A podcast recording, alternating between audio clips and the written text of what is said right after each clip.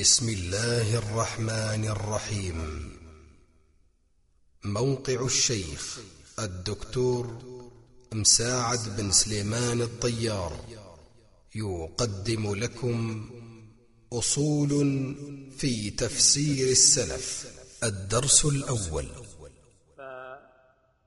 أشكر الله سبحانه وتعالى الذي هيأ لي ولكم هذه المجالس. الطيبة وأسأله سبحانه وتعالى أن يستعملني وإياكم في طاعته. ثم أشكر الإخوة القائمين على هذه الدورة العلمية.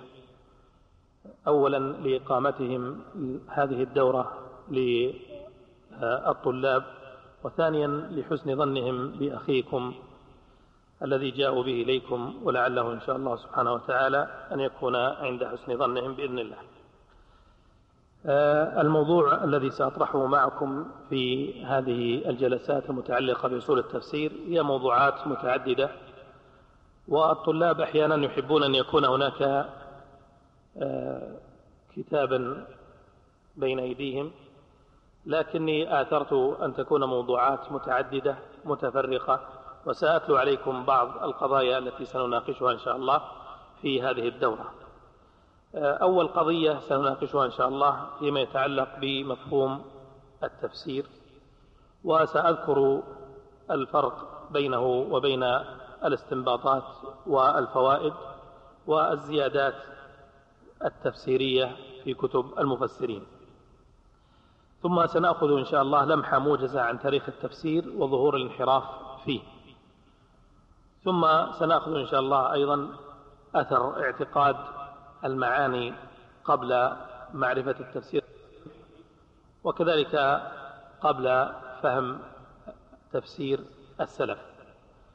وسنأخذ أيضا قضية يمكن أن نعنون لها بلماذا تفسير السلف وهي قضية مهمة خصوصا أنه في هذا العصر قد كثر التخبط في علم التفسير وكثر الذين يجتهدون فيه اجتهادات آه، خاطئة كما تلاحظونه في كثير ممن يكتبون في مجالات التفسير. أيضا سنأخذ كيفية معالجة تفسير السلف من جهة الإسناد ومن جهة المعنى وسنأخذ أيضا طريق معرفة التفسير وهي ترجع في الحقيقة إلى مصادر التفسير لكن سيكون هناك إشارة إلى بعض القضايا المرتبطة باللغة أو الرواية أو الملابسات. وسنأخذ أيضا إن شاء الله كيفية التعامل مع التفسيرات التي جاءت بعد تفسير السلف. هذه بعض القضايا وقد نأخذ إن شاء الله شيئا مما يتعلق بوجوه التفسير والاختلاف في التفسير وأسبابه وطريقة التعامل مع هذا الاختلاف. هذه بعض القضايا التي إن شاء الله سبحانه وتعالى سأطرحها معكم في هذه اللقاءات بإذن الله. ناتي الآن إلى الموضوع الأول وهو ما يتعلق بمفهوم التفسير. آه، لو رجعنا إلى اللغة وكما هو معروف أن أصل التفسير مادة فسر مادة فسر وهذه المادة كما هو معلوم أيضا يتدل على الكشف والبيان والظهور والإيضاح. ولهذا يعبر عن التفسير بأحد هذه العبارات المتقاربة أنه كشف أو إظهار أو بيان أو إيضاح. وقد يعبر أيضا عن التفسير بأنه شرح لأنه يرتبط بماذا؟ بالمعاني. وإذا نظرنا إلى طريقة استخدامات العلماء لمصطلح التفسير ومصطلح الشرح سنجد أن التفسير صار مصطلحا أقرب إلى القرآن والشرح صار مصطلحا أقرب إلى السنة وكذلك إلى شرح أشعار العرب. وإن كان قد يرد هذا مكان هذا وهذا مكان هذا لكن صار أشبه بالمصطلح إذا قيل علم التفسير أنه يتجه إلى ماذا؟ إلى تفسير القرآن. وأما الحديث أو أشعار العرب فغالبا ما يرتبط بها مصطلح إيش؟ الشرح. مصطلح الشرح. ولذا يقولون كتب شروح الحديث وشروح أشعار العرب. هذه قضية إصطلاحية لكن كل هذه المعاني في النهاية متقاربة للتنبيه أو للدلالة على معنى البيان للدلالة على معنى البيان.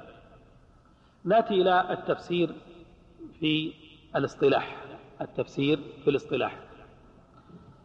طبعا الملاحظ أن تعريف التفسير كتعريفه تعريفه كعلم من خلال آه، ما هو موجود عندنا من كتب العلماء في التفسير أو في علوم القرآن نجد أنه تأخر تعريف علم التفسير. ولو رجعنا إلى بعض المدونات في كتب التفسير سنجد إشارة إلى أن التفسير معروف من الجهة أو من القضية ما يكتب. لكن تحديد وتحرير المصطلح هذه جاءت متأخرة. لننظر إلى هذا النقل عن ابن أبي زمنين متوفى سنة 399 يقول وهو يتكلم اختصر تفسير يحيى بن سلام فهو يعبر أو يبين لنا لماذا اختصر تفسير يحيى بن سلام. يقول وبعد فإني قرأت كتاب يحيى بن سلام في تفسير القرآن فوجدت فيه تكرارا كثيرا وأحاديث ذكرها يقوم علم التفسير بدونها يقوم علم التفسير بدونها. هذه العبارة ماذا نستفيد منها؟ هم؟ كيف؟ وجود إيش؟ إيه نعم علم التفسير موجود ما عندنا إشكال فيه لكن الآن لاحظ أنه يقول وأحاديث ذكرها يقوم علم التفسير بدونها. إذا ماهية التفسير عند ابن أبي زمنين محددة ولا غير محددة؟ محددة لكنه لم يذكر لنا ما هو علم التفسير. يعني ما جاء وقال لنا علم التفسير هو العلم الذي يبحث في كذا وكذا مثلا. لكن كونه يأتي ويختصر ويخرج أشياء من كتاب يحيى بن سلام يرى أن علم التفسير يقوم بدونها دلالة على أن مفهوم التفسير عنده محدد وواضح لكنه بالنسبة لنا لم يبين لنا ما هو مصطلح في علم التفسير. عندنا أيضا طبعا في أمثلة كثيرة لكن انتخبت منها بعض الأمثلة. الرازي أيضا في تفسيره وتوفي سنة 606 وقيل أربعة. الرازي يقول في معرض كلام له في قضية الرؤية. قال المسألة الثالثة اعلم أن القاضي ذكر في تفسيره وجوها أخرى تدل على نفي الرؤية وهي في الحقيقة خارجة عن التمسك بهذه الآية ومنفصلة عن علم التفسير وخوض في علم الأصول. ولما فعل القاضي ذلك فنحن ننقلها ونجيب عنها ثم نذكر لأصحابنا وجوها دالة على صحة الرؤية. إذا الآن الرازي ماهية علم التفسير واضحة عنده ولا غير واضحة؟ واضحة لأنه الآن يقول أن القضايا التي ذكرها القاضي القاضي عبد الجبار قضايا ماذا؟ خارجة عن علم التفسير قال ومنفصلة عن علم التفسير.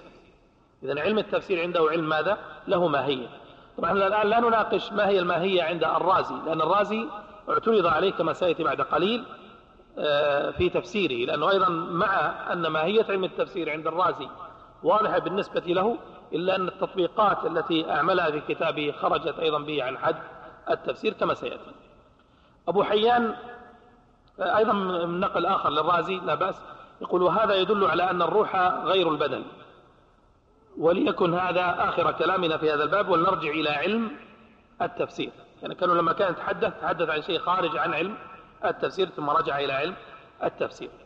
أبو حيان أيضا يقول وذكروا أن الفاتحة تسمى الحمد وفاتحة الكتاب وأم الكتاب والسبع المثاني والواقية والكافية والشفاء والشافية والرقية والكنز والأساس والنور وسورة الصلاة وسورة تعليم المسألة وسورة المناجاة وسورة التفويض. وذكروا آه، ما ورد من الأحاديث في فضل الفاتحة. والكلام على هذا كله من باب التذييلات لأن ذلك آه، من علم التفسير إلا ما كان ليس من علم التفسير إلا ما كان من تعيين مبهم أو سبب نزول أو نسخ بما صح عن رسول الله صلى الله عليه وسلم فذلك يضطر إليهم إليه علم التفسير. ثم ذكر أيضا كلامهم عن آمين وقال أيضا أنه خارج عن علم التفسير. إذن الآن مفهوم التفسير أيضا عند أبي حيان إذن أيضا محدد. وأخرج أشياء ليست من علم التفسير. آخر النقل أيضا لأبي حيان نأخذه لأن في نقد للرازي. تكلم عن آية النسخ قال وقد تكلم المفسرون هنا في حقيقة النسخ الشرعي وأقسامه وما اتفق عليه منه وما اختلف فيه وفي جوازه عقلا ووقوعه شرعا وبما وبما ينسخ وغير ذلك من أحكام النسخ ودلائل تلك الأحكام. وطولوا في ذلك وهذا كله موضوعه علم أصول الفقه. فيبحث في ذلك كله فيه. وهكذا جرت عادتنا أن كل قاعدة في علم من العلوم يرجع في تقريرها إلى ذلك العلم. ونأخذها في علم التفسير مسلمة من ذلك العلم ولا نطول بذكر ذلك في علم التفسير. فنخرج عن طريقة التفسير كما فعله أبو عبد الله محمد بن عمر الرازي المعروف بن خطيب الري. فإنه جمع في كتابه في التفسير أشياء كثيرة طويلة لا حاجة بها في علم التفسير. ولذلك حكي عن بعض المتطرفين من العلماء أنه قال فيه كل شيء إلا التفسير. وقد ذكرنا في الخطبة ما يحتاج إليه من العلوم. كلام أبي حيان هذا الآن أيضا واضح جدا أن علم التفسير علم بالنسبة لأبي حيان كان واضحا وله إيش؟ حدوده. كمفهوم. وانتقد الرازي الذي أيضا نبه على أن بعض العلوم خارجة عن علم التفسير. ولكن الرازي وهناك نقل أيضا لكن لا أريد أن نطيل به أشار إلى دخول علم بعض ما يتعلق بعلم الهيئة وعلم الفلك والنجوم في علم التفسير وانتصر لذلك بأوجه لكنه لكن كل هذه الأوجه منتقدة من جهة أنها تدخل في علم التفسير. لكنها كونها تكون من علوم الآية شيء آخر. يجب أن نفرق بين بعد قليل سننظر إلى أنه في فرق بين علم التفسير وبين علوم الآية. هذا ما يتعلق إذن ببعض القضايا المرتبطة بالمصطلح وأنه كان واضحا بالنسبة لمن؟ بالنسبة للعلماء وهم يكتبون. وإن كانت التطبيقات قد تخرج يعني تطبيقات في كتب التفسير قد تخرج بالمفسر عن علم التفسير أو عن صلب التفسير. فلو أردت أن أسألكم الآن عن ما هو علم التفسير أو ما هو مفهوم التفسير فما الجواب؟ نعم. إي نعم. واستخراج أحكامه وحكمه ونحن نحتاج هذه استخراج أحكامه وحكمه والباقي كله هذا إطالة في التعريف. يعني علم يفهم به كلام الله. كذا يفهم به ها؟ أو يعرف؟ يفهم به كلام الله. عز وجل. طبعا المنزل على محمد أو المعجزة هذه كلها قيود لا نحتاجها لكن المقصد أنه علم يفهم به كلام الله سبحانه وتعالى واستخراج حكمه وأحكامه. آه نأتي الآن إلى استخراج الحكم والأحكام اللي هي مفهوم الاستنباط هذه والفوائد. هل بالفعل استخراج الحكم والأحكام تدخل في علم التفسير؟ يعني هل استخراج الحكم والأحكام يدخل في علم التفسير؟ م? كيف؟ م? لا الأحكام الآن الأحكام. الآن يدخل في باب أحكام القرآن. هل كل ما يذكر في أحكام القرآن هو من باب التفسير؟ إذا لابد من وضع قيد. ما الذي يدخل من أحكام القرآن في باب التفسير وما الذي يخرج؟ نعم. صوت. ما كان متعلقا بالآيات. أي وجه من التعلق؟ أو نحتاج إلى ضابط أدق؟ ببيانها. مم. يعني إذا كان متعلقا بماذا؟ ببيانها. نعم. لا ناتي إليه هذا ما في إشكال. لكن الآن إحنا الآن عندنا ضابط حتى لو كان الانسان يريد أن يفسر القرآن عموما ما يتكلم في أحكام القرآن. الذي يفسر القرآن عموما إذا مر على أحكام القرآن ما الشيء الذي يدخل في علم التفسير والذي لا يدخل في علم التفسير؟ لأن الآن نحن نحرر مصطلح ولا نناقش كتب لماذا كتبت هكذا؟ لأن هذه مناهج أخرى. يعني لا نتكلم عن مناهج هذه الكتب لكن نتكلم عن تحرير المصطلح. يعني لاحظوا الآن مثلا لو جئنا على سبيل المثال أي حكم شرعي ذكره القرآن. أي حكم شرعي مثل وأتم الحج والعمرة لله. الآن المفهوم من قوله وأتم الحج والعمرة لله كمفهوم معنى. إذا انتهينا منه في من قوله وأتم الحج والعمرة لله. وفصلنا أحكام العمرة هنا كما فعل بعضهم. هل تفصيل أحكام العمرة هذا يدخل في باب التفسير؟ أو هو استطراد؟ استطراد. لأن بيان العمرة يعني بيانها كمفهوم كمصطلح شرعي يفسر لنا معنى العمرة. لكن أحكام العمرة ليس لها علاقة بماذا؟ بالتفسير. إذا هذا هو المقصد. إذا الآن عندنا إذا لم بعض العلماء أو بعض من كتب في التفسير يدخل في استطرادات في بيان الأحكام وهي ليست من التفسير ليست من صلب التفسير. إذا الآن يمكن أن نقول أن عندنا ضابط أشرنا إليه الآن إشارة وهو ماذا؟ ضابط إيش؟ إيش؟ إيه تخرج. قطعا الأحكام التي لا أصل بالعلوم الأخرى تخرج. لكن ما هو الضابط الذي يمكن أن نجعله قيدا للتفسير؟ اللي هو البيان. يعني البيان المباشر لمعاني الآيات هو التفسير. البيان المباشر لمعاني الآيات هو التفسير. ما كان خارجا عن حد هذا البيان فهو داخل في ماذا؟ إما يكون داخل في علوم الآية وإما أن يكون داخل في علوم السورة كما سيأتي التنبيه عليه. إذا المقصد هنا أن ننتبه إلى هذا القيد أو هذا الضابط اللي هو ضابط إيش؟ البيان. أنه إذا كان في بيان لشيء في الآية لمعنى في الآية فإني أعتبره تفسير. بغض النظر عن المصدر الذي بين الآن. قد يكون البيان بآية قد يكون البيان بسنة نبوية قد يكون البيان بلغة قد يكون البيان بقول صحابي قد يكون البيان بسبب نزول. كل هذه تدخل في ماذا؟ في محيط التفسير. لكن إذا انتهى البيان ما بعد البيان فهو خارج عن حد التفسير وداخل في علوم القرآن في علوم القرآن المتنوعة التي سيأتي الإشارة إليها. إذا يمكن نقول إذا الآن باختصار أنه علم التفسير ما هو؟ هو بيان معاني القرآن. هذا كأخصر عبارة يمكن نقولها في حد التفسير. في حد التفسير. إذا كان علم التفسير هو أو, أو, أو حد علم التفسير اللي هو بيان المعاني. ما بعد بيان المعاني سيكون خارج عن هذا الحد. فنأتي الآن إلى الاستنباط اللي هو كان استخراج الحكم والأحكام. إذا كانت هذه الأحكام منصوص عليها مباشرة يعني بينا معنى الحكم الذي في الآية مباشرة فهذا نعتبره من التفسير. إذا استطردنا في بيان ما يتعلق بهذا الحكم من جهة الأحكام الفقهية الأخرى هذا خارج عن حد التفسير. خارج عن حد التفسير مثل ما ضربنا مثال فيما لو فسرنا وأتم الحج والعمرة على أن نفصل في أحكام العمرة التفصيل في أحكام العمرة هذا في حقيقة ماذا؟ خارج عن حد التفسير. الاستنباط الآن هل هو التفسير إذن؟ بناء على هذا هذا الحد. إذا الاستنباط ليس هو التفسير. آه، لاحظ ما ذكره السيوطي وقد نبه على الفرق بين بين هذين الحدين لحد التفسير وحد الاستنباط في كتابه الإكليل في استنباط التنزيل. يقول في مقدمة كتابه فعزمت على وضع كتاب في ذلك. يعني إيش في الاستنباط؟ إلى أن قال أورد فيه كل ما استنبطه منه أو استدل به استدل به على عليه من مسألة فقهية أو أصلية أو اعتقادية. وبعض مما سوى ذلك مقرونا بتفسير الآية حيث توقف فهم الاستنباط عليها حيث توقف فهم الاستنباط عليها. إذا الآن نلاحظ في كلام ابي حيان ماذا؟ أن هناك إيش؟ فرق بين إيش؟ الاستنباط والتفسير بين الاستنباط آه، اللي هو السيوطي بين الاستنباط والتفسير. وأنه قال أنه أحيانا قد يتوقف الاستنباط على ماذا؟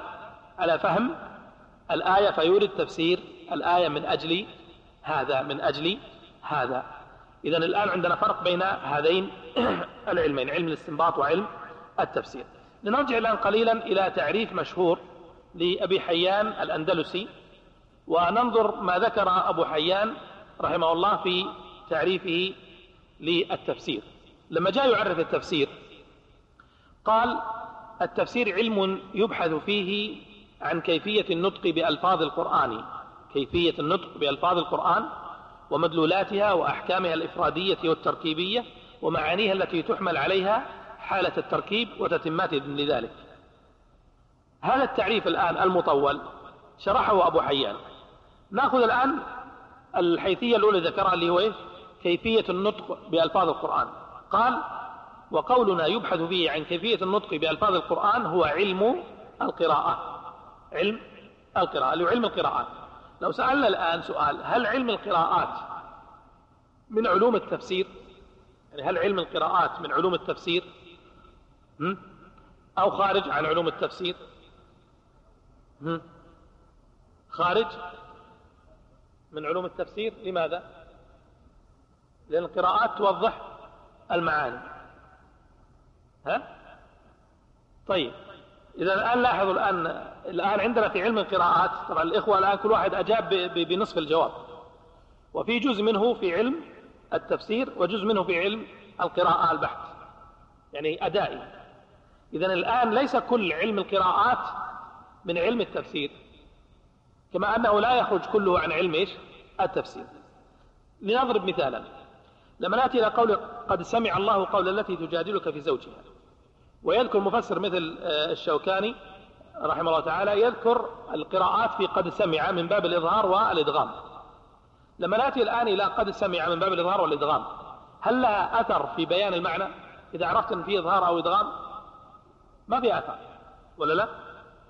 طيب. لما آتي إلى آية أخرى في مثل قول سبحانه وتعالى وما هو على الغيب بضنين وما هو على الغيب بضنين في خلاف قراءة. هذا له أثر في بيان المعنى ولا ما, أثر ما له أثر؟ له أثر.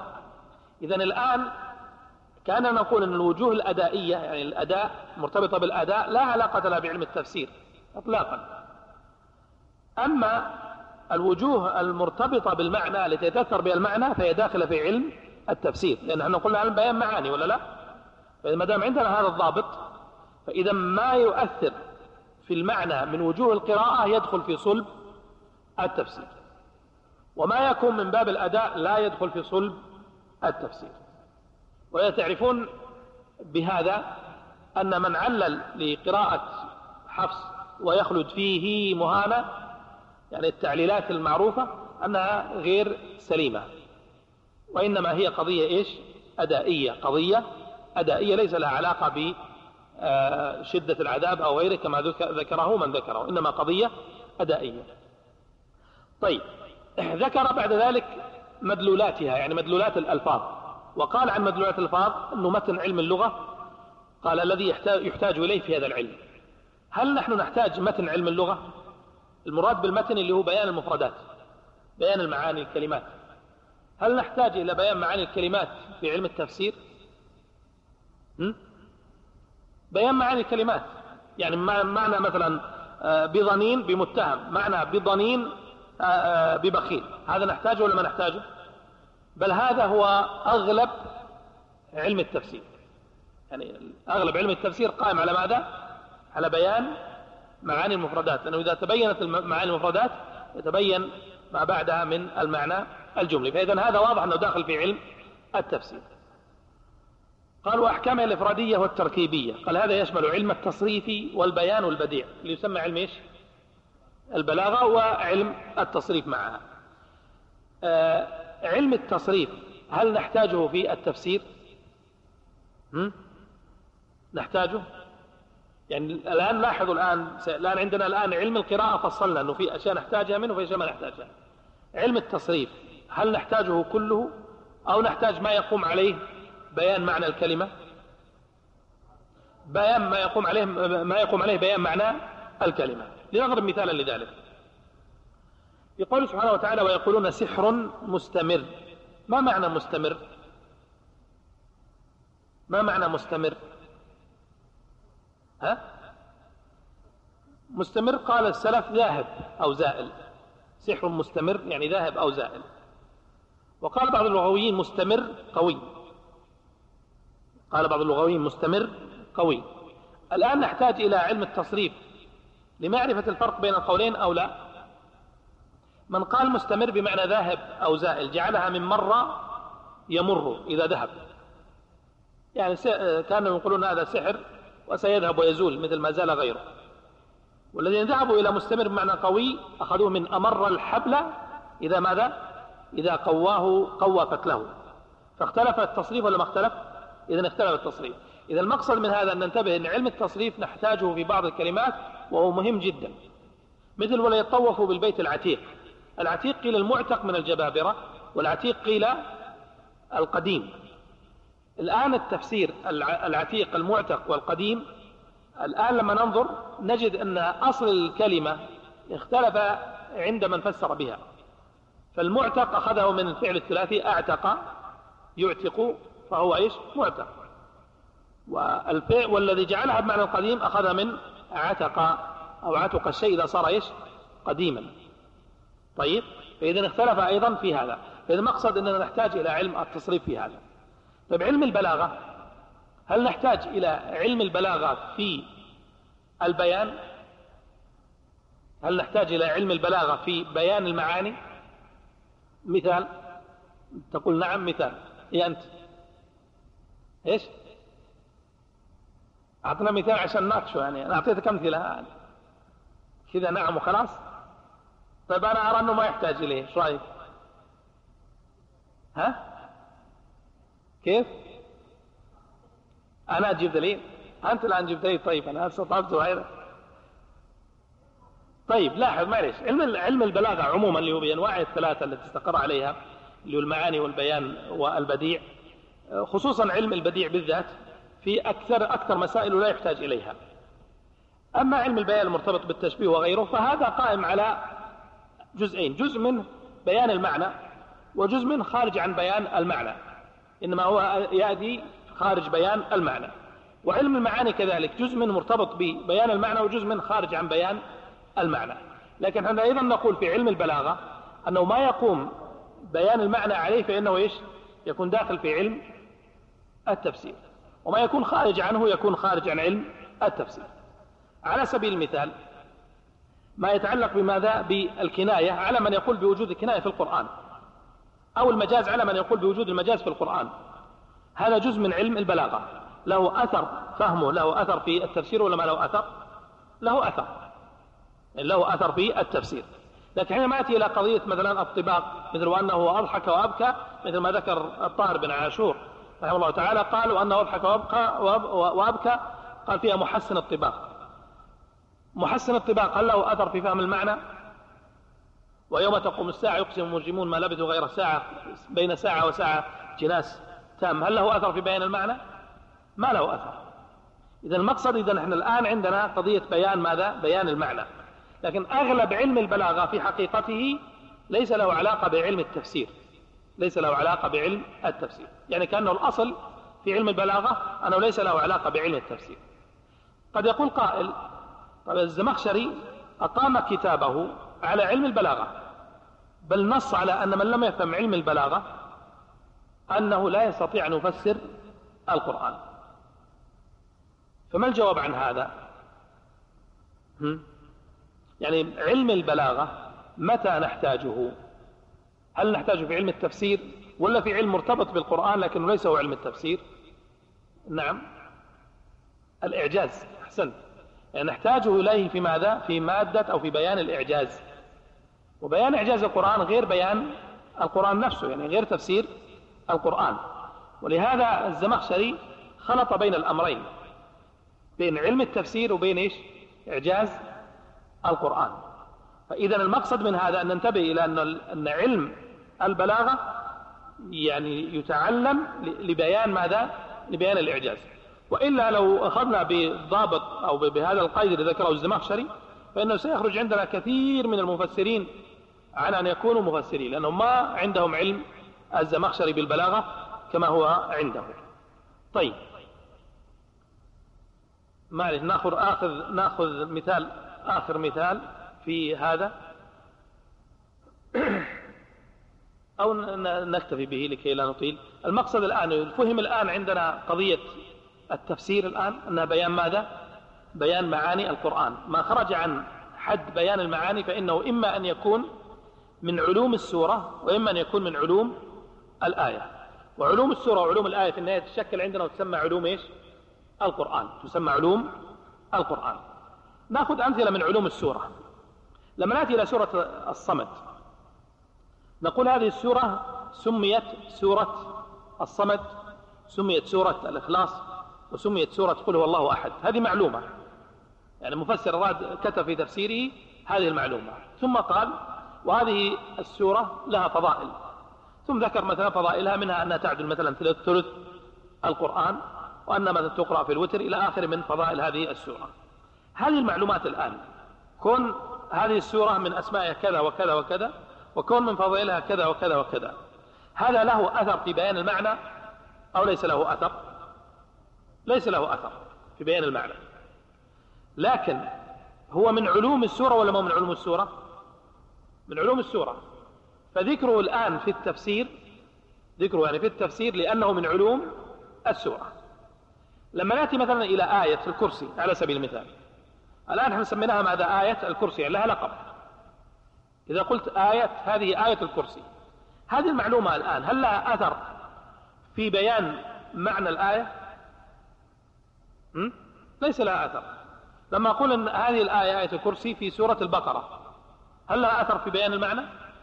لما أقول رقم هذه الآية هو كذا هل له أثر في بيان المعنى؟ لكنها معلومات مرتبطة بالآية ولا لا؟ إذا المعلومات مرتبطة بماذا؟ بالآية.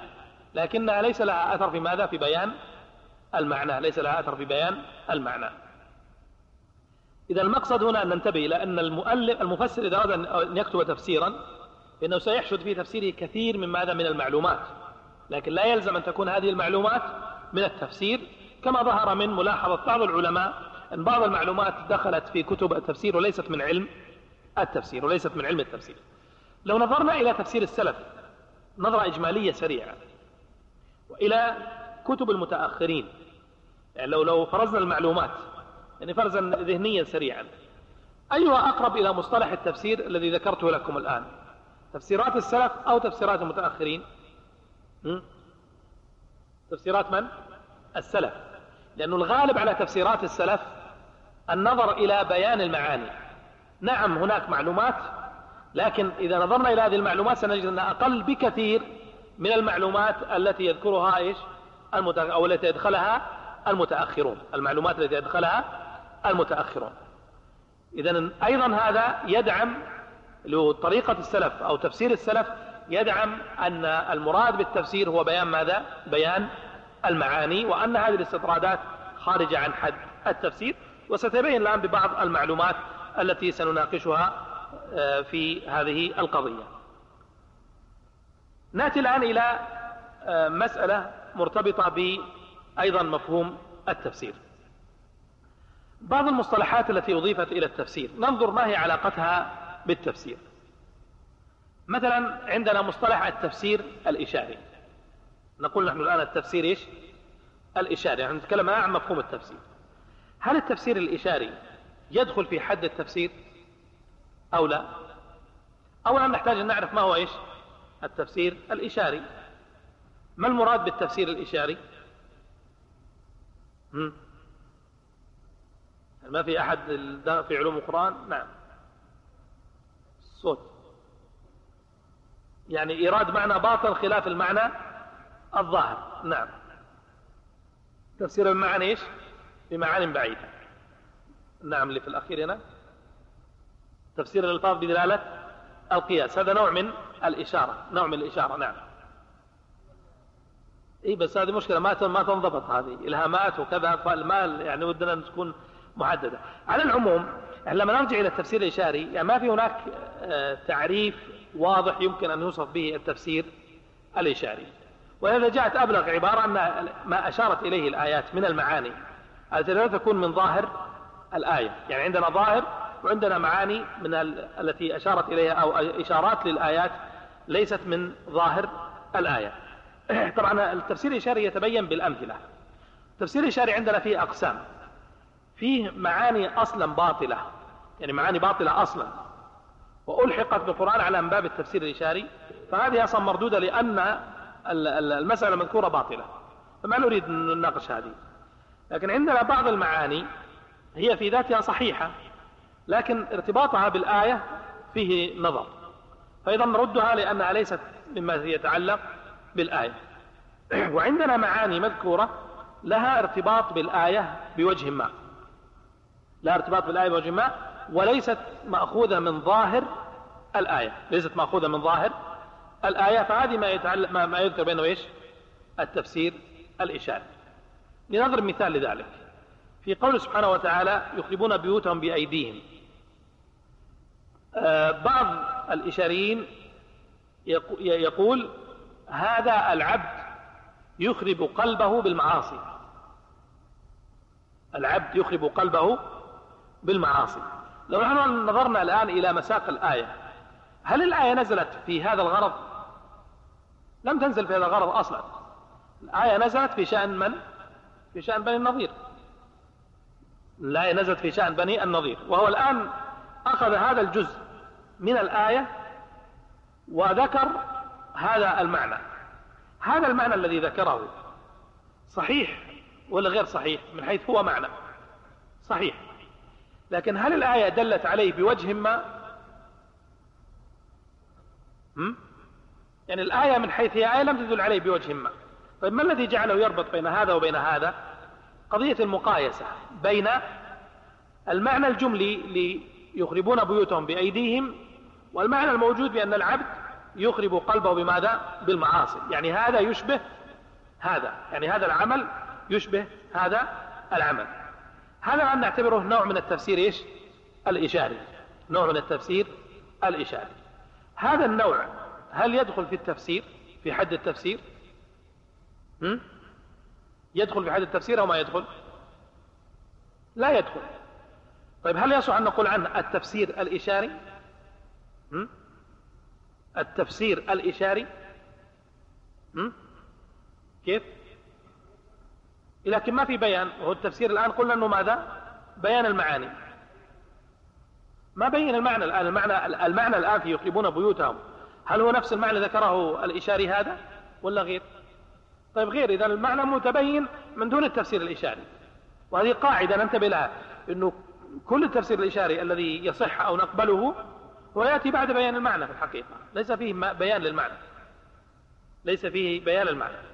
طيب؟ فما دام ليس فيه بيانا للمعنى فإذا يكون خارج عن ماذا؟ عن حد التفسير. فالسؤال الآن ما دام خارجا عن حد التفسير هل يصلح أن نركب هذا المصطلح يعني النظر العلمي؟ هل يصلح أن نقول التفسير الإشاري؟ ها؟ نعم. اي نعم. أنت أنت. لماذا؟ طيب. أي نعم. العموم هو هو مصطلح الآن شائع إنه تفسير الإشارة لكن اللي أردت أن أنبه عليه إنه يجب أن ننتبه إلى الفروق الدقيقة في هذه المصطلحات. إنه ان التفسير الإشاري في حقيقته ليس من باب بيان المعاني. أين ندخله لو أردنا أن ندخل التفسير الإشاري؟ في أي باب من أبواب علوم القرآن؟ نعم. لا انه في التفسير بالرأي داخل وفي القول بالرأي عموما. لكن ما هي ما هو أقرب ما يدخل أو آه، ما يدخل فيه التفسير الإشاري؟ اللي هو إيش؟ إيش؟ لا لا. الاستنباط. يعني لو داخل في ماذا؟ في الاستنباط من ماذا؟ من القرآن. يعني إذا نظرنا إلى التفسير الإشاري هو في حقيقته نوع من الاستنباط من القرآن. نوع من الاستنباط من القرآن. يعني إذا حقيقة التفسير الإشاري هذا هي استنباطات من القرآن. استنباطات من القرآن. معنى أنه عمد هذا الإشاري إلى القرآن وأراد أن يخرج شيء من الاستنباطات. هناك بعض الكلام أو بعض نعم ما ما ما ما, ما نخطئ التسمية لكن نبين المعنى ولكنه مصطلح سائد وشائع. ما أقول لا نسمي لكن نبين فقط أن نميز الفروق فقط. أنا الآن لا أقول أنه هذه التسمية خطأ أو صواب. لكن نبين أنه ننتبه إحنا إلى أنه هذا وإن سمي التفسير الإشاري. هو في حقيقته ليس من باب إيش؟ التفسير فقط. طيب. في جزء من التفسير أو مما كتب في يعني كتب التفسير الإشاري مثل لطائف الإشارات القشيري أو كذلك حقائق التفسير لعبد الرحمن السلمي وهما كتابان مطبوعان سنجد أن هناك كلام لبعض المتصوفة ليس من باب التفسير حتى الإشاري وإنما هي مجرد كلمات تعبيرية أدبية يذكرها هذا الصوفي عند هذه الآية. يعني يذكرها عند هذه الآية ولا في حقيقتها ليس لها علاقة لا بالتفسير الإشاري ولا بالتفسير وإنما هي مجرد عبارات يذكرها عن يعني عبارات أدبية فقط يذكرها عند هذه الآية. يعني والأمثلة على ذلك كثيرة جدا في كتب التفسير الإشاري. كتب التفسير الإشاري يعني لها أقسام أو للتعبير عن التفسير الإشاري أقسام. ليس لها محل ذكرها وهي تحتاج إلى بحث.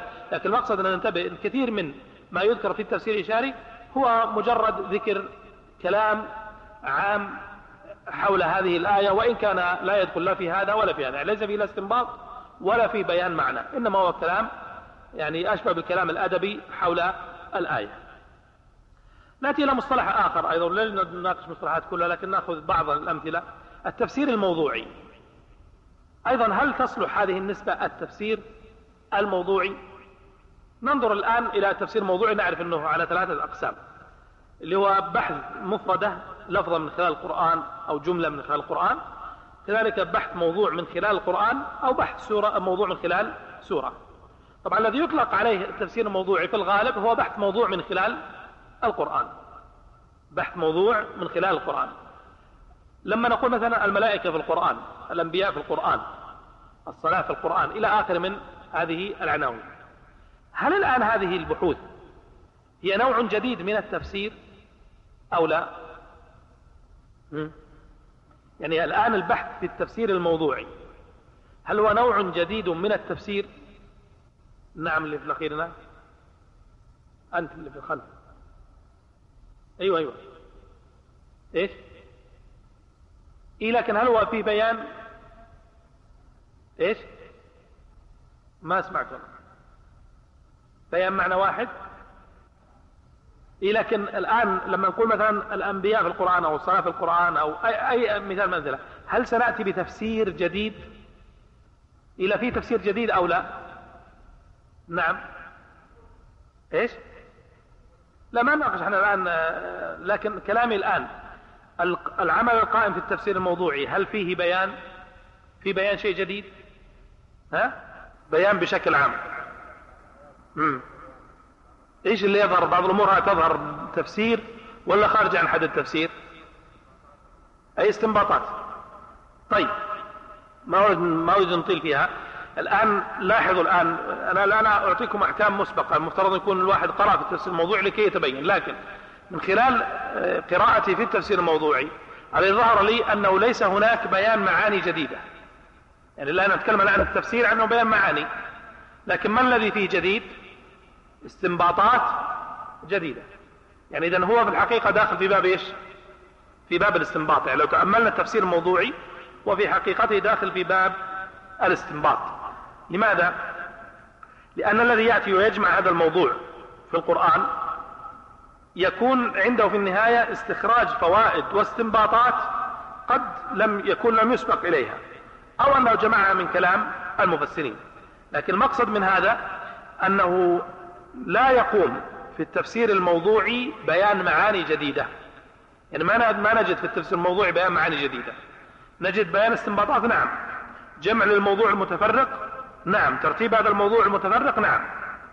أما بيان معاني جديدة فلا نجد.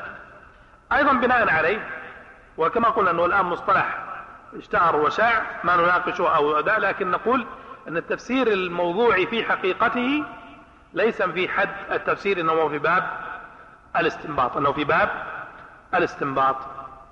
ومن قرأ طبعا يتضح له جليا هذه القضية.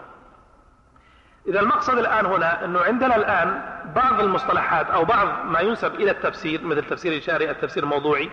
هي في الحقيقة أشياء اصطلح عليها وانتشرت وشاعت. لكن يجب أن ينتبه إلى أنه لا يلزم من كونها نسبت إلى التفسير أن يكون فيها بيان معاني. إنما داخلة في ماذا؟ فيما بعد البيان مما يتعلق بماذا بالاستنباط. نأتي الآن إلى أيضا إطلاق مصطلح التفسير على أسلوب الكتابة التي انتهجها المؤلف. أيضا بعض المعاصرين تجده يسمي مثلا آه، في ظلال القرآن لسيد قطب يقول هذا إيش تفسير؟ أدبي. يضعه في باب إيش التفسير؟ إيش؟ الأدبي. أيضا سنناقش هذا المصطلح. الآن من أين جاءت لفظة الأدبي هذه؟ يعني لماذا لا نقول عن تفسير ابن جرير أنه تفسير أدبي؟ وهو الحقيقة أدبي. فمن أين جاءت لفظة الأدب؟ ما المراد بالأدب الآن هنا؟ هم؟ إيش المراد بالأدب؟ اللي هو إيش؟ لا الإنشاء ولا لا؟ يعني إيه المراد به الإنشاء ولا لا؟ الأدب الإنشاء. طيب هذا الكتاب تميز صاحبه بالفعل بالفعل بجودة إيش؟ الإنشاء. فجاء المعاصرين يسمى كتابة أو وضع كتابه فيما يسمى بماذا؟ بالتفسير إيش؟ الأدبي. لما يضع فيما يسمى بالتفسير الأدبي إحنا نناقش المصطلح هذا. هل الآن عندنا شيء اسمه تفسير أدبي؟ يعني بيان المعاني بالأدب؟ يعني هل الأدب مصدر تتبين به المعاني؟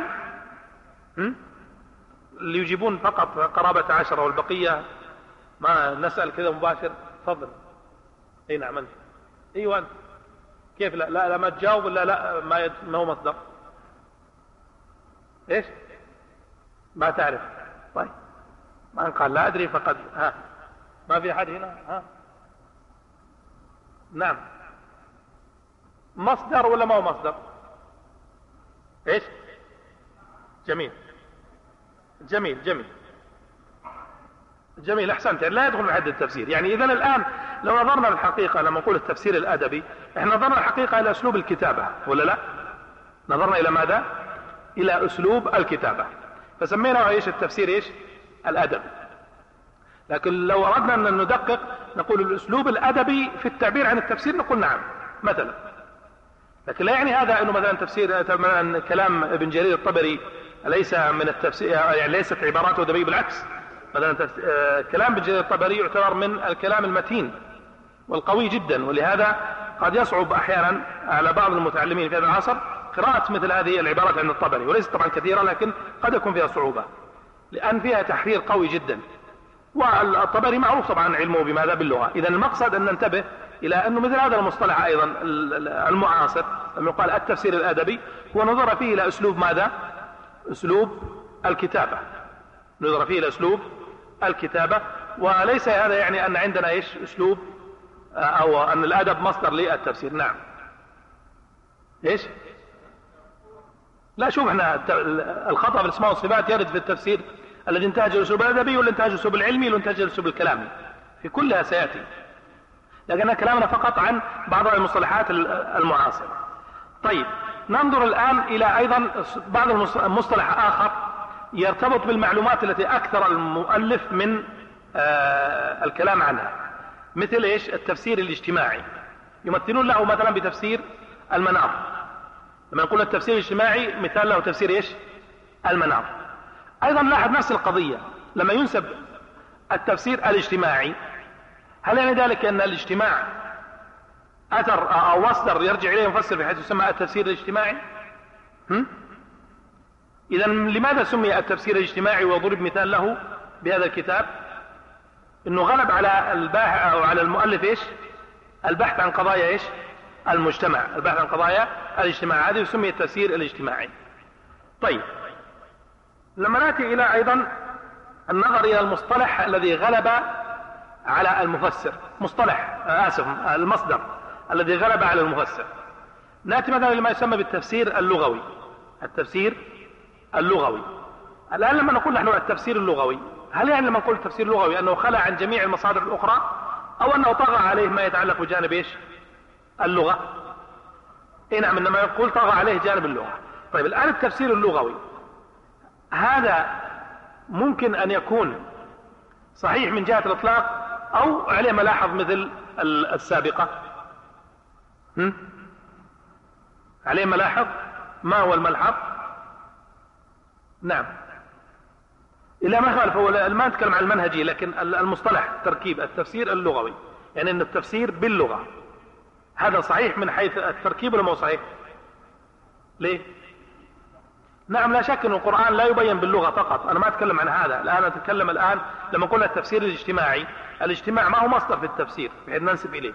لكن نقول التفسير اللغوي اللغة مصدر ولا ما هي مصدر؟ هي مصدر. إذا الآن نتكلم عن مصدر. نتكلم عن ماذا؟ عن مصدر. فلما نقول التفسير اللغوي في شيء اسمه تفسير لغوي ولا لا؟ إذا يصح على الإطلاق ولا ما يصح؟ من هذه الجهة يصح ومن حيث اللي ذكرت أنت في إشكال. لكن نتكلم عنه كمصطلح أنه يصح. طيب لما نأتي إلى نقول التفسير الأثري. التفسير إيش؟ الأثري يعني الذي يهتم بماذا بالأثر. وهذا طبعا على أقسام التفسير الأثري لكن كمثلا تفسير ابن جرير الطبري. اعتمد الآثار في تفسيره ولا ما اعتمدها؟ اعتمدها. فهل الآثار تفسر القرآن ولا ما تفسره؟ إذا لاحظ هذا التفسير اللغوي التفسير الأثري لها علاقة بماذا؟ لها علاقة بالبيان. يتبين بها المعنى. فالإطلاق هذا أسلم وأدق من الإطلاقات السابقة. لأنه الأدب أو الاجتماع أو التفسير الموضوعي أو الإشاري لا تلاحظ أنه له علاقة بماذا؟ بالبيان. لكن لو افتقدنا روايات السلف مثلا ينقص البيان ولا ما ينقص؟ ينقص. لو افتقدنا المعاني اللغوية ينقص البيان ولا ما ينقص؟ ينقص. إذا هذه وإن كانت جزءا من التفسير إلا أن الإطلاق يكون صحيحا. أن نقول التفسير إيش؟ اللغوي أو نقول التفسير الأثري. هذه إشارة سريعة إلى بعض المصطلحات التي تربط بماذا؟ بالتفسير. التي تربط بالتفسير. فإذا أيضا ننظر فيها أنه هل ما ذكر من هذه المصطلحات فيه بيان؟ يعني أنه في ضابط البيان أو لا؟ فلاحظنا مثلا اللغة لا علاقة بالبيان فنقول أن إطلاق التفسير اللغوي يصح. لأن هناك التفسير الذي يكون بطريق إيش؟ اللغة. أما التفسير الأدبي ما فيه التفسير الذي يكون بإيش؟ بالأدب لأن الأدب ليس مصدرا في التفسير ليس مصدرا في التفسير ولما قلنا مثلا في الإشاري الإشاري ظهر عندنا أنه من باب إيش؟ الاستنباط وليس من باب بيان المعاني. لكن كما قلت لكم غلبت واشتهرت هذه المصطلحات. طيب نأتي الآن إلى قضية متعلقة بالمفسرين. ولننظر الآن علاقة المفسرين بالتفسير والاستنباط.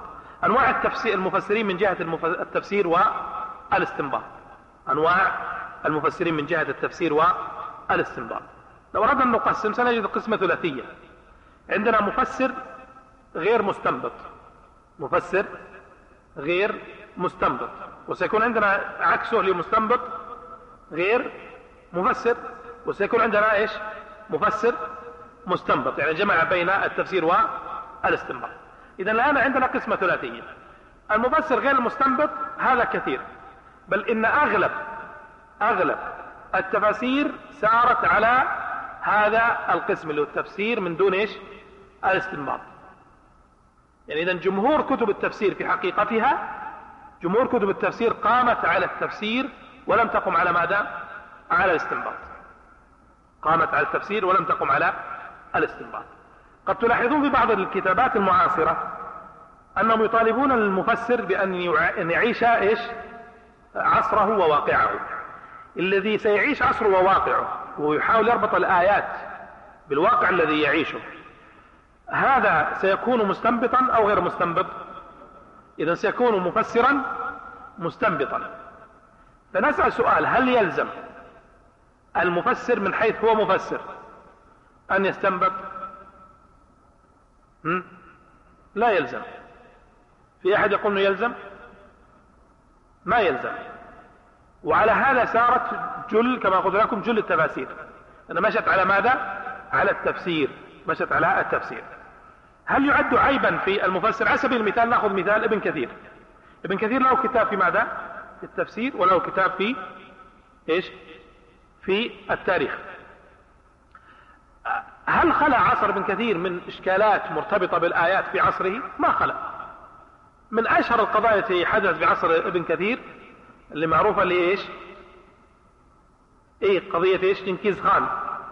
لما وضعوا كتابا يتحاكمون إليه. اللي هو إيش؟ أيوه الياسر. هذا الآن تعرض لها في التفسير ولا ما تعرض؟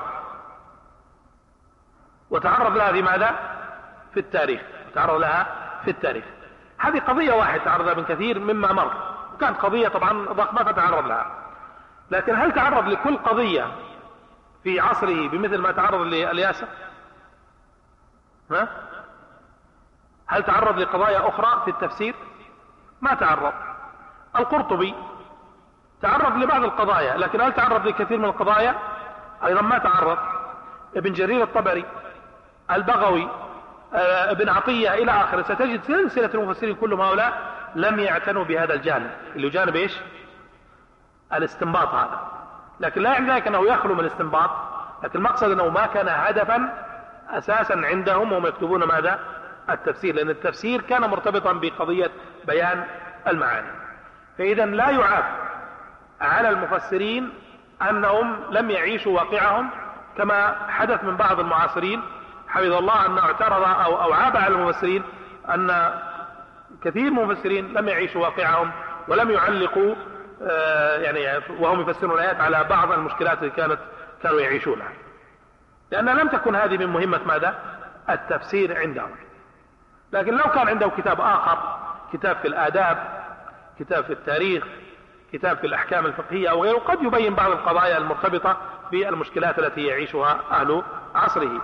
فإذا المقصد أنه يجب أن ننتبه أن التفسير من حيث هو تفسير ليس محلا لماذا؟ لهذه القضايا. والخروج إلى هذه القضايا هو من باب إيش؟ الاستنباط والزيادة على التفسير. واضح الفكرة هذه؟ إذا المقصد من ذلك أننا لا نعيب على ما فعله العلماء المتقدمون ولا نطلب من المفسر الذي يكون مفسرا أن يستنبط لأنه طلبنا من كل مفسر يستنبط ستخرج لنا استنباطات كثيرة إيش؟ الشذوذ. ولو رجعتم إلى مثل غرائب التأويل للكرماني أو غيره بعض كتب التفسير تذكر بعض الشذوذات ستجدون من هذه الشذوذات في الاستنباط الشيء الكثير. ستجدون الشيء الكثير. يعني الماوردي يذكر عن واحد من متفقهة مفسرين يسميه أنه قال أنه إذا مات الميت وأوصى ولم يوصي أنه يعني عشر ماله يكون إيش؟ أنه يؤخذ من ماله العشر. بدل الثلث. لماذا؟ قال لأن إبراهيم عليه السلام قطع الطيور ووزع على عشرة إيش؟ على عشرة جبال. على عشرة جبال وضع كل فقال استنبط من هذه الآية أو من هذا أنه يكون من مات ولم يوصي أنه يعني يكون إيش؟ العشر بدل الثلث. هذا استنباط ضعيف جدا وباطل متهالك إلى آخره. لكن أنا قصدي من هذا إنه لو ألزمنا المفسرين سيخرج مثل هذه القضايا. ليس كل مفسر عنده قدرة على الاستنباط. طيب أعطني مهله بس وعد وصلنا شوي بس ما اذا هذا الآن عندنا الآن المفسر أو المستنبط غير المفسر هذا المستنبط غير المفسر يعني نجده في عصور لكن في عصرنا هذا كثير. وهنا قاعدة تقول لها كل من دخل إلى القرآن سيأتينا إن شاء الله لاحقا كل من دخل إلى التفسير أو القرآن. وليس عنده تأصيل شرعي. وليس عنده تأصيل شرعي فماذا سيكون؟ سيكون عنده استنباطات وهو غير مفسر. يعني سيستنبط وهو غير مفسر. فسيكثر خطأ ولا ما يكثر؟ سيكثر خطأ وهذا سنجده في هذا العصر كثيرا. يعني طبيب يكتب كما يسمى بالتفسير العلمي أو الإعجاز العلمي. وعالم فلك يكتب في هذا الباب. يعني في مما يتعلق بالقرآن. وعالم نفس يكتب في هذا الباب. وعالم هندسة يكتب الهندسة في القرآن وإلى آخره من هذه المسميات هؤلاء كلهم ليسوا مفسرين قطعا ولا يمكن واحد منهم يقول أنا مفسر. لا يمكن واحد منهم يقول أنا مفسر. أنا اكتملت في أدوات التفسير. لا يمكن. والذي يقوله يكابر. طيب فما دام لا يمكن أن يكون مفسرا هو الآن تعرض للآيات وفسر واستنبط أو لا؟ هو في حقيقته, في حقيقته دخل في هذا ليس مفسرا وعنده هذه الاستنباطات. فهذا اللي نقول عنه إيش؟ إنه إيش؟ المستنبط غير المفسر. وقد يكون بعض الفقهاء أو بعض كذا لكن على الأقل الفقهاء وغيرهم عندهم إيش؟ الأداة أداة العلم الشرعي التي تعصمهم في كثير من الأحيان من الوقوع في ما يقع فيه من ليس عنده تأصيل شرعي. طيب اذا هذا المراد بماذا بالمفسر غير المستنبط. طيب المفسر المستنبط هؤلاء الحقيقة قلة. مثلا على سبيل المثال علماءنا المتقدمون مثل ابن كثير اللي ذكرناهم أو ابن جرير أو ابن عطية أو غيرهم رحمهم الله. هؤلاء عندهم أداة الاستنباط. لكن كما قلنا لم يكن من منهجهم ماذا؟ أن يصوغوا الاستنباطات في ماذا؟ في تفسيراتهم لكن نلاحظ الآن في هذا العصر نلاحظ هذا العصر أن كثير من طالبي العلم علم التفسير يطلبون من المفسر جانب ماذا؟ جانب الاستنباط. يطلبون المفسر جانب ماذا؟ الاستنباط.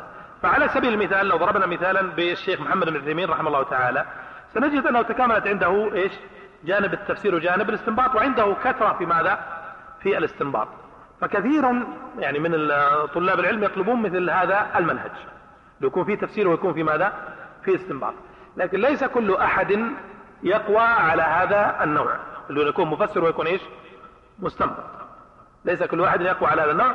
وإن كنا نريد أو نتمنى أن يوجد في الامه من يكون بهذه المثابة أن يكون بهذه المثابة. لكن لا شك أن عندنا الآن ما يسمى بماذا بالاستنباطات الجزئية التي ذكرت لكم بعض أمثلة منها ممن يدخل في علم التفسير وليس له تأصيل شرعي أو بعض من يكون عنده علم شرعي ويكون له بعض الاستنباطات من بعض الآيات هذا موجود يعني استنباطات جزئية. لكن يوجد مفسر متكامل له فيه أداة التفسير وأداة الاستنباط فهذا قليل وهو مطلق يعني وهو مطلق. ما هذا كنت تريده أنت؟ ها؟ أي نعم. لكن يجب أن ننتبه إنه لا نلزم دروس التفسير بهذا المنهج. لأنه كما قلت لكم ليس كل واحد يستطيع أو يتقن هذا الباب. اللي هو باب ماذا؟ الاستنباط. ولذا من المهم جدا في يعني دروس التفسير المهم جدا معرفة كيفية بيان المعاني. لأنه إذا عرفنا كيف نبين المعاني ونصل إلى المعاني استطعنا بعد ذلك ماذا؟ أن نستنبط كما ذكر السيوطي رحمه الله تعالى نبهنا على ماذا؟ على فائدة مهمة أن كثير من الاستنباطات تتوقف على فهم المعاني. كثير من الاستنباطات تتوقف على فهم المعاني. فالذي لا يفهم المعاني سيقع في ماذا؟ في استنباطات خاطئة كثيرة جدا. ويمكن لو تفتحون طبعا على صفحات الإنترنت تجدون مواقع قائمة على الاستنباطات الخاطئة اطلاقا. والقائم عليه ليس من المفسرين ولا يعرف بالتفسير ويخالف إجماع المفسرين كله. ويستنبط استنباطات خاصة به وهذا كثير. يعني في هذا العصر كثير جدا.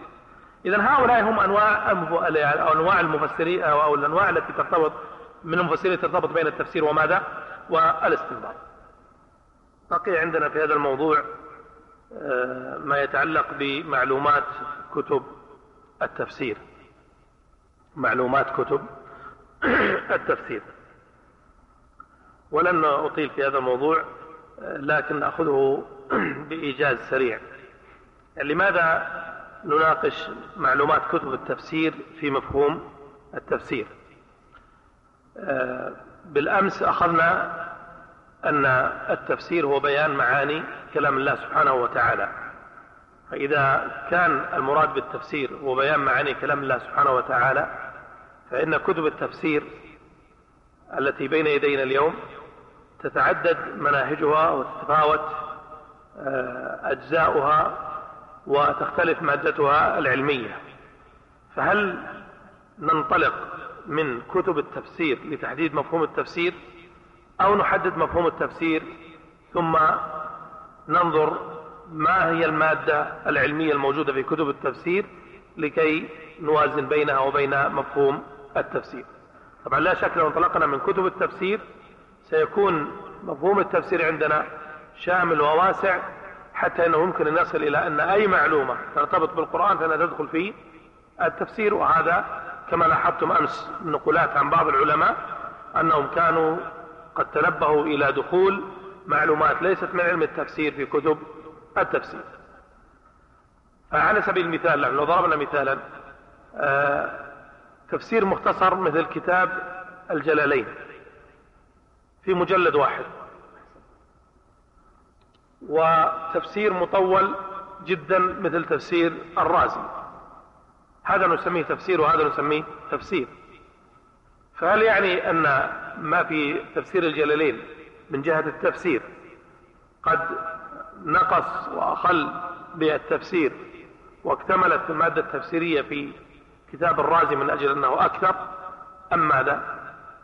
لو إحنا نظرنا بهذا النظر فما هو الجواب؟ نعم. واضح السؤال؟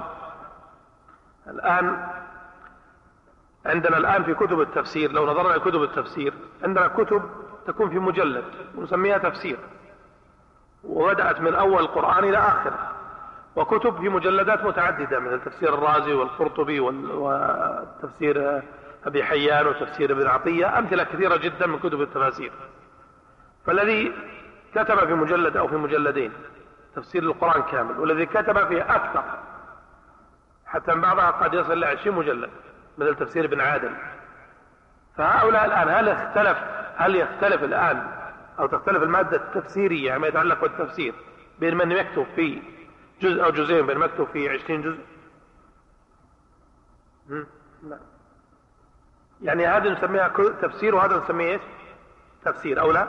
يعني متفقون على ان كل تفسير. قد يقول سائل اذا الآن الذي كتب في أكثر من خمس مجلدات ما الذي أضافه من جهة التفسير؟ هل أضاف شيئا من جهة التفسير؟ نعم. إيش؟ لكن أمس ذكرنا أنه الاستنباطات قليلة في كتب التفسير أو لا؟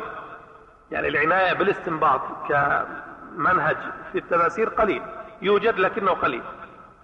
نعم. أي نعم.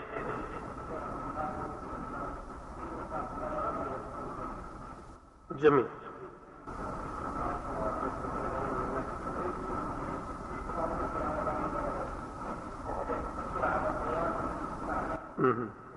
طيب. خلينا ناخذ الآن بعض المعلومات نرجع يعني هذا السؤال لكي نتبين بعد قليل. يعني ما هو هو ما الذي جعل بعض كتب التفسير تتضخم بالمعلومات؟ لو نظرنا مثلا إلى تفسير السلف في طبقاته الثلاث اللي في الصحابة والتابعين واتباع التابعين. وجمعنا المادة التفسيرية يعني حاولنا نجمع المادة التفسيرية التي كتبها السلف بطريقة ما بحيث أنه ما نكرر العبارات والأقوال إنما نحاول أننا نحصر المعاني. يمكن أن يخرج لنا جمهور تفسير السلف الموجود مثلا في الدر المنثور على سبيل المثال على أنه من أوسع ما جمع تفسير السلف يمكن أن يخرج لنا في مجلد أو في مجلدين على الكثير. إذا جمعنا هذا التفسير الوارد عن السلف هل المادة التفسيرية ستكون متكاملة أو غير متكاملة في هذا التفسير؟ ستكون المادة التفسيرية متكاملة بمعنى أنه لا نجد آية ليس للسلف فيها كلام كما سيأتي. فإذا المعلومات التي سنجدها في تفسير السلف ستكون متكاملة من جهة التفسير. سنجد مثلا بيان غريب الأفظة يعني غريب الألفاظ اللي يسمى مفردات الألفاظ سنجدها في تفسير السلف. كذلك سنجد عندهم بيان المعنى الجملي للآية أو الجملة التي يفسرونها. كذلك سنجد ذكر سبب نزول يوضح المعنى. سنجد كذلك بيان مخصص للعام أو مقيد المطلق إلى آخر من أنواع البيان. سنجد تفسير آية بآية تفسير آية بسنة نبوية إلى آخره. بمعنى أن المادة التفسيرية عموما ستكون متكاملة. ستكون متكاملة. هذا الذي في تفسير السلف أيضا موجود عند من جاء بعدهم لكن ما هو الملاحظ الآن؟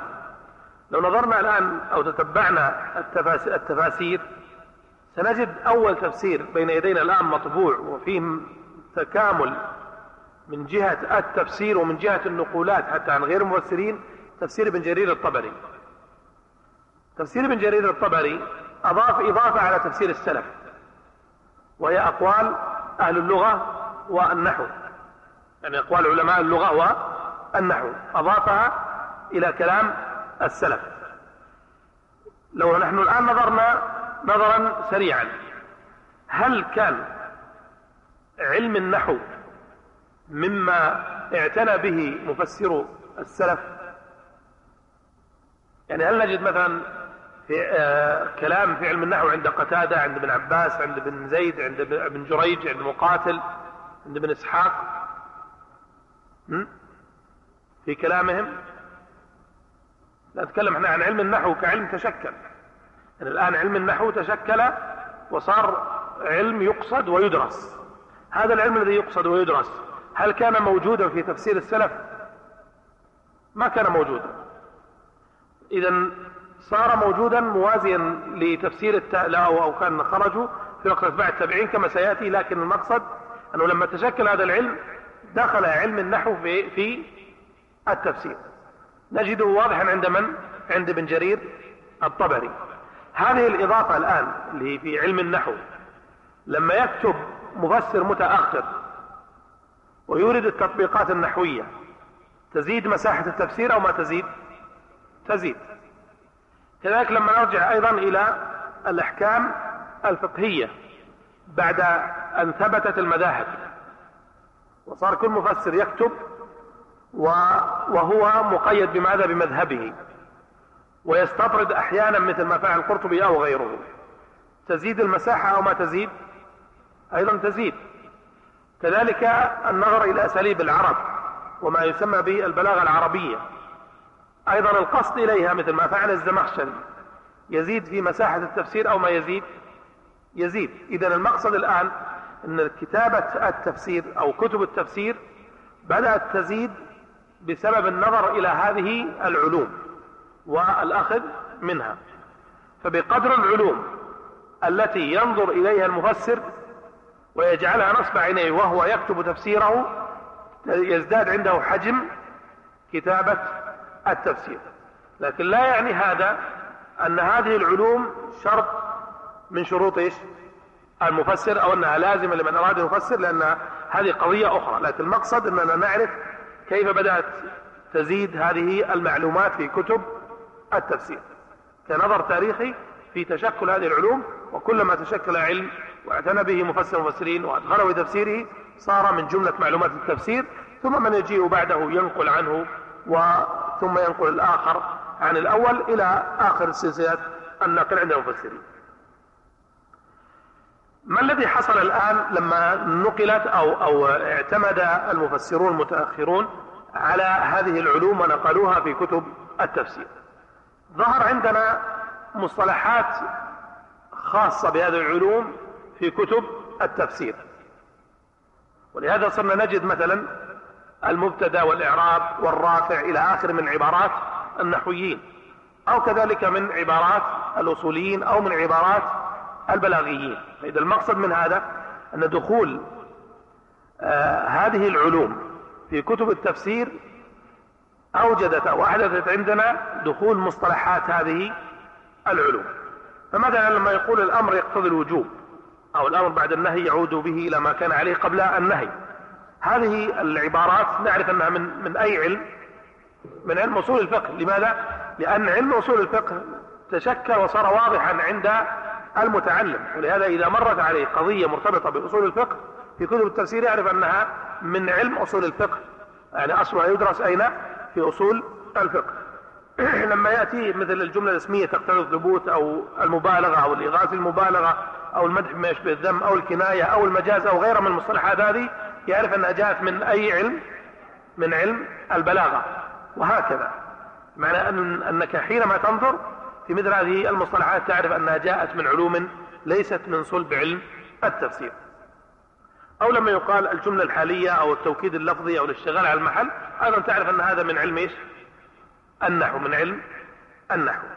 والمقصد من هذا فقط هو التنبه إلى ماذا؟ إلى مسألة وأن وهو أنه لا يلزم أن تكون كل المعلومات الواردة في كتب التفسير هي من صلب علم التفسير. من صلب علم التفسير. القضية الأخيرة طبعا هنا مسألة يجب أن ننتبه لها أنه استخدام هذه المصطلحات في كتب التفسير ليس فيه إشكال يعني لا نحن لا نناقش هذه القضية كون هذه المصطلحات لأنها منقولة عن تلك العلوم لكن المقصد أن ننتبه إلى أنه دخلت مثل هذه المصطلحات ولهذا من أراد أن يفهم هذه المصطلحات لا يأخذها من علم التفسير إنما يأخذها من أين؟ من العلوم التي صدرت منها هذه المصطلحات فإن كانت مصطلحات أصولية من علم أصول الفقه أو مصطلحات نحوية من علم النحو أو مصطلحات بلاغية من علم البلاغة.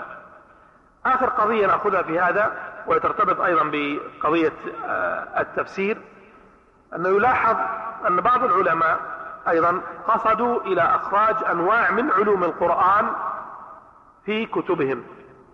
يعني قصدوا إلى إخراج أنواع من علوم القرآن في كتبهم. وهذا أيضا أحدث ما يمكن نقول بأنه تضخم في مادة معلومات كتب التفسير. فمثلا على سبيل المثال علم القراءات وسبق في الدرس الماضي بيان ما يدخل في علم التفسير منه وما لا يدخل. فعلم القراءات مثلا سنجد أن كثير من المفسرين مثلا على سبيل المثال المحرر وجزء بن عطية سنجد فيه كثير من الحديث عن القراءات وطريقة قراءة هذه الألفاظ القرآنية. بعضها يدخل في علم التفسير إذا كان يتأثر به المعنى وكثير منها لا يدخل في علم التفسير لأنه لا يتأثر به المعنى وإنما هي من جهة إيش؟ الأداء. كذلك بعض المفسرين أدخل المكي والمدني وأيضا أدخل علوم أخرى مرتبطة بعلوم القرآن التي من تكون من علوم الآية أو من علوم السورة وتضخم بهذا علم أو تضخمت بهذه كتب التفسير. وهذه المعلومات أحيانا يكون لها أثر في التفسير يعني معنى فهم المعنى وأحيانا لا يكون لها أثر في فهم المعنى وإنما تكون مرتبطة بالآية كمعلومة من معلومات الآية كمعلومة من معلومات الآية. ويجب التنبه هنا إلى أن هذا القصد الذي قصده بعض العلماء وهو إدخال جزء من علوم القرآن كان قديما. وهو في الحقيقة نوع من أنواع الكتابة في علوم القرآن. يعني نوع من أنواع الكتابة في علوم القرآن. وهو مما غفل عنه في الحديث عن تاريخ نشأة علوم القرآن. معنى أن لما نرجع مثلا على سبيل المثال إلى كتاب المهدوي في التفسير سنجد أنه عقد بابا للتفسير ثم بعد ما ينتهي من التفسير يبدأ يعقد أبواب للأحكام وللإعراب ولبعض علوم القرآن للقراءات يعني ما نقسمه على هذا حتى صار صعبا يعني في الاستفادة منه. لأن القارئ يقرأ التفسير ثم لما ينتهي يقرأ في الإعراب لما ينتهي الإعراب يقرأ في القراءات لما ينتهي القراءات يقرأ في الأحكام. فصار فيه صعوبة من هذه الجهة. وبعض العلماء كان منظما لكتابه تنظيم آخر. وأنه يدخل يبدأ بالمعنى ثم الإعراب ثم الأحكام ثم الناسخ والمنسوخ على حسب ما في الآيات من علوم القرآن. وهذا أسلوب من أساليب العلماء في كتابة علوم القرآن لأن علوم القرآن لا يمكن أن تنفك عن ماذا؟ عن علم التفسير. علوم القرآن لا يمكن أن تنفك عن علم التفسير وهكذا كان العلماء المتقدمون يتعاملون مع علوم القرآن. فما كانت منفكة عنهم عندهم عن علم التفسير وإنما جاء انفكاكها منفصلة بكتب مستقلة متأخرا جدا. هذا فقط إشارة إلى هذه القضية وننتقل بعدها إلى الموضوع الثاني وهي لمحة موجزة عن تاريخ التفسير وظهور الانحرافات فيه. وظهور الانحرافات سنشير إليه إشارة لأن سنناقش إن شاء الله في اعتقاد المعاني لاحقا. آه القرآن كما تعلمون وهذه قضية مقررة لكن نذكرها لندخل تكون مدخل نزل عربيا. فكونه نزل عربي على قوم عرب فالأصل أن يفهموا الخطاب دون أي تدخل خارجي من المصادر الأخرى أو لا؟ يعني لو إحنا أردنا أن نقرر هذه القضية بمعنى أنه الآن نقول القرآن نزل عربيا. فلما سمع العرب هذا الخطاب فهموه أو لم يفهموه؟ من حيث الجملة. يعني فهموه. وهذه قضية يجب أن ننتبه لها لأن الذين نزل عليهم الخطاب أو نزل عليهم القرآن وهم العرب ومنهم الصحابة هم فهموا هذا القرآن لأنه كان بلغتهم وهم أدرى بأساليبهم وبمفرداتهم إلى آخره. القضية الثانية لما ننظر إلى العهد المكي الذي نزل فيه القرآن وجلس فيه الرسول, صلى الله عليه وسلم 13 سنة وعلى الخلاف المعروف هل ورد آثار تدل على أن الصحابة رضي الله عنهم كانوا يستشكلون شيئا ويسألون الرسول صلى الله عليه وسلم عنه يعني لو تأملنا في الآثار هل نجد شيء من الآثار يدل على أن الصحابة في تلك الفترة يعني نريد أن ننظر بداية أو نشأة التفسير يعني نشأة البيان عن المعاني لأنه لماذا قلنا قبل قليل أنه عربي؟ أصلا كونه عربي هو بين بذاته. يعني كونه عربيا نزل على قوم عرب فالأصل أنه بين بذاته. فهم يفهمونه. لكن مع ذلك قد تأتي بعض الإشكالات الواردة عليهم. ففي العهد المكي هل ورد في الآثار ما يشير إلى أنه وقع إشكال عندهم في فهم الخطاب؟ لا. يأتي مثال. الذين آمنوا الذين آمنوا ولم يلبسوا إيمانهم بظلم. ابن مسعود يقول لما نزلت ماذا حصل منهم؟ جاءوا الرسول صلى الله عليه وسلم فقالوا وأين هو قال لما نزلت. الذين آمنوا. سورة الأنعام مكية أو مدنية؟ إذا الآن السؤال هنا سيكون إيش؟ مكي نحن استفدنا الآن كونه مكي من كلام ابن مسعود. وإلا لو قال لا لو لم يكن في الآية في, في الآثر لما نزلت أنهم جاء الرسول صلى الله عليه وسلم لما فهمنا لما كان يلزم منها أن تكون إيش؟ في مكة. يمكن يكون السؤال عنها جاء إيش؟ متأخرة. لكن لما قال أنه لما نزلت جاء الرسول صلى الله عليه وسلم فدل على أن هذا الإشكال كان في ماذا؟ في مكة. ولذا الرسول صلى الله عليه وسلم لما حل لهم هذا الإشكال جعله أو ربطه بماذا؟ بقوله آه يا بني لا تشرك بالله إن الشرك لظلم عظيم. إذا المقصد هنا أنه وقع شيء من الاستفسارات عند الصحابة. العهد المكي عموما العهد المكي عموما فيما يتعلق ب آه، يعني بالقرآن لم يبحث بحثا بحيث أنه يعرف ما هي الأشياء المرتبطة بعلوم القرآن في العهد المكي وكانت برزت فيه. ولا نريد أن نطيل فيها لكن أقصد إشارة إلى من يريد أن يبحث. إنه ما هي العلوم التي كانت مرتبطة بماذا؟ بالقرآن في هذا العهد. مثلا على سبيل المثال لو ما نقول أول ما نزل أول ما نزل مرتبط بالعهد المكي أو المدني؟ بالعهد المكي لأنه أصلا نزل في مكة. لكن آخر ما نزل مرتبط بالعهد إيش؟ المدني. بقصد أقصد من هذا أن لو أردنا أن نقول علوم القرآن المكية يعني مرتبطة كونه في مكة سيكون عندنا جملة من العلوم لا نجدها في ماذا؟ في العهد المدني. وبعضها سيكون إيش؟ متصلا مثل النزول. يعني علم نزول القرآن ونزل في مكة وكذلك نزل إيش؟ في المدينة يعني فيه ما هو مكي وما هو مدني. لكن المقصد إنه ما هي الأشياء التي حفت بالقرآن في العهد المكي. على سبيل المثال كي تتضح أكثر؟ الأحرف السبعة.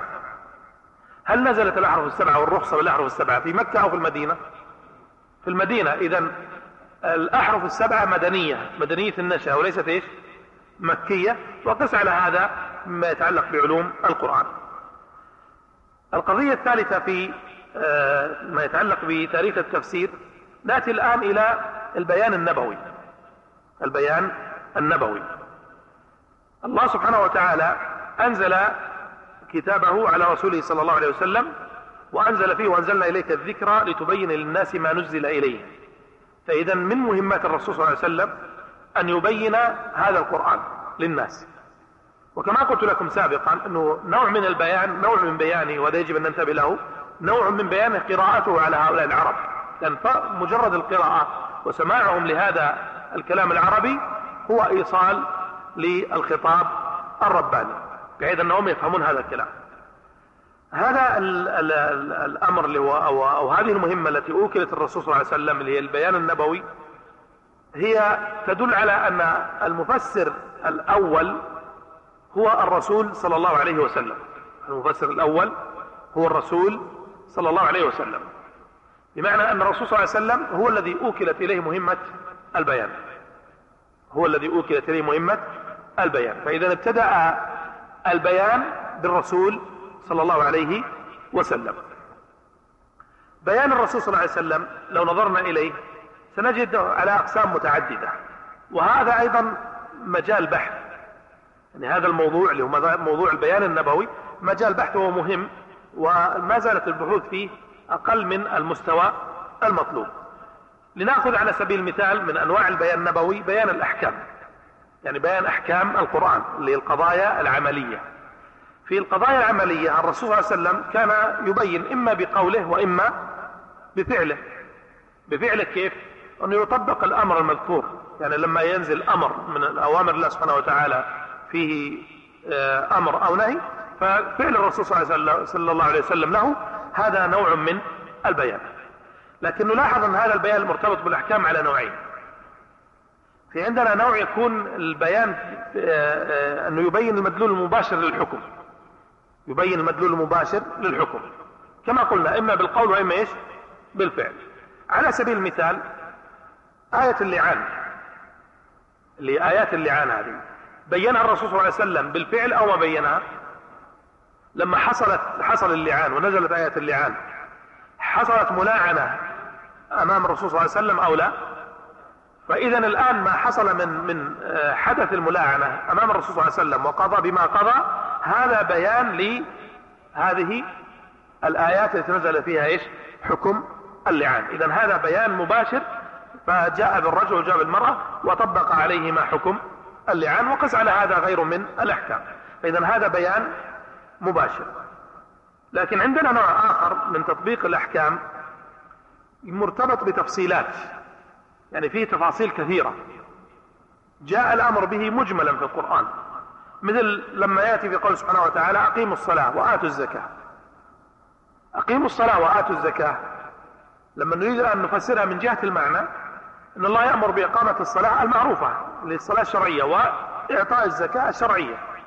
لكن لما نأتي الآن إلى التفاصيل التفاصيل في مثلا نقول فروض الصلاة كذا واجبات الصلاة كذا شروط الصلاة كذا سنن الصلاة كذا أو الزكاة الزكاة كذا وكذا وكذا نفصل.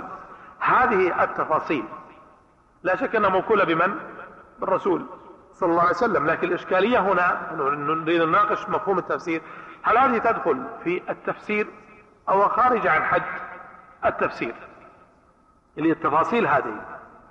لأنه الآن مفهوم قول أقيموا قول سبحانه وتعالى أقيموا الصلاة واضح أنه أمر بإقامة الصلاة.